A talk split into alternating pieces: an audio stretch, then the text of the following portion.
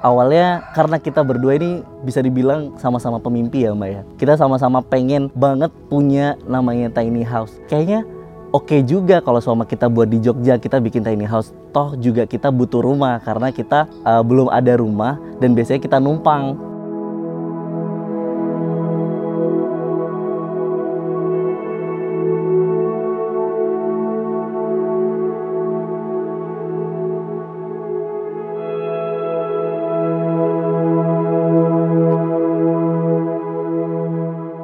karena tanah kita yang kita beli itu sangat kecil, cuma ukuran 40 ya. Jadi uh, kita membuat rumah yang compact buat kita yang pakai budget minim. Kalau selama kita lihat di Mangunan di Puncak Pecici dan lain-lain itu kan banyak banget rumah-rumah kayu. Kita pengen ngerasain itu di Jogja di kotanya gitu. Jadi kita pengen banget ngerasain suasana hangat yang ada di rumah kayu, di mana kasurnya biasanya di atas di loft-nya, habis itu di bawahnya ada dapur, ada ruang tamu, ada sofa, ada ruang nonton TV dan semuanya. Uh, mbak kami, Mbak Feni itu men-challenge kita untuk membeli tanah miliknya dia di depan rumah kami pas mau nggak mau dari wooden itu kita sewain. Dan kebetulan banyak peminat. Uh, dari hasil sewa tersebut kita kumpulin buat dulu rumah yang kedua yaitu truck house.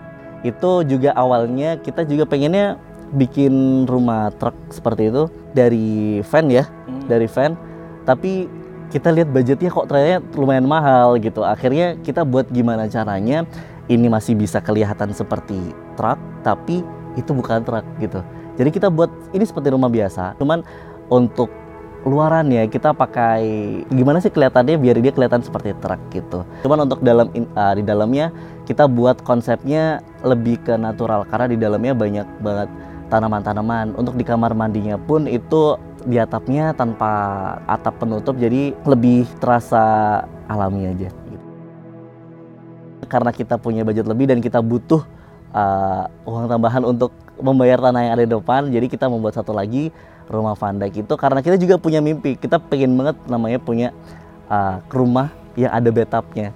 Saya cari cari cara-cara gimana caranya bisa ruangan kecil kita bisa pasang bathtub dan ruangan tersebut lebih kerasa luas gitu. Jadi di dalamnya saya pasang kaca untuk kamar mandi dari dalam kelihatan seperti taman tapi ketika kita mandi ya kita bisa mandi di situ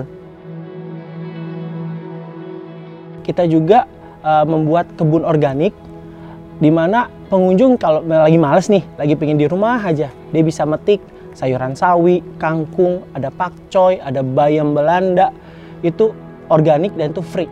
Uh, kita juga ada uh, bisa nonton malam-malam, jadi setiap Sabtu malam Minggu selalunya kita ngajak semua tamu untuk keluar, kita buat masakan, dan kita nonton bareng-bareng di depan. Karena malam-malam masih bisa dengerin suara jangkrik, kodok, Terus ada suara azan juga.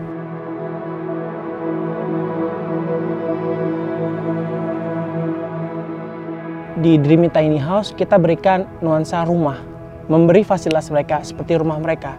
Apa yang mereka butuhkan, insya Allah kita cukupi.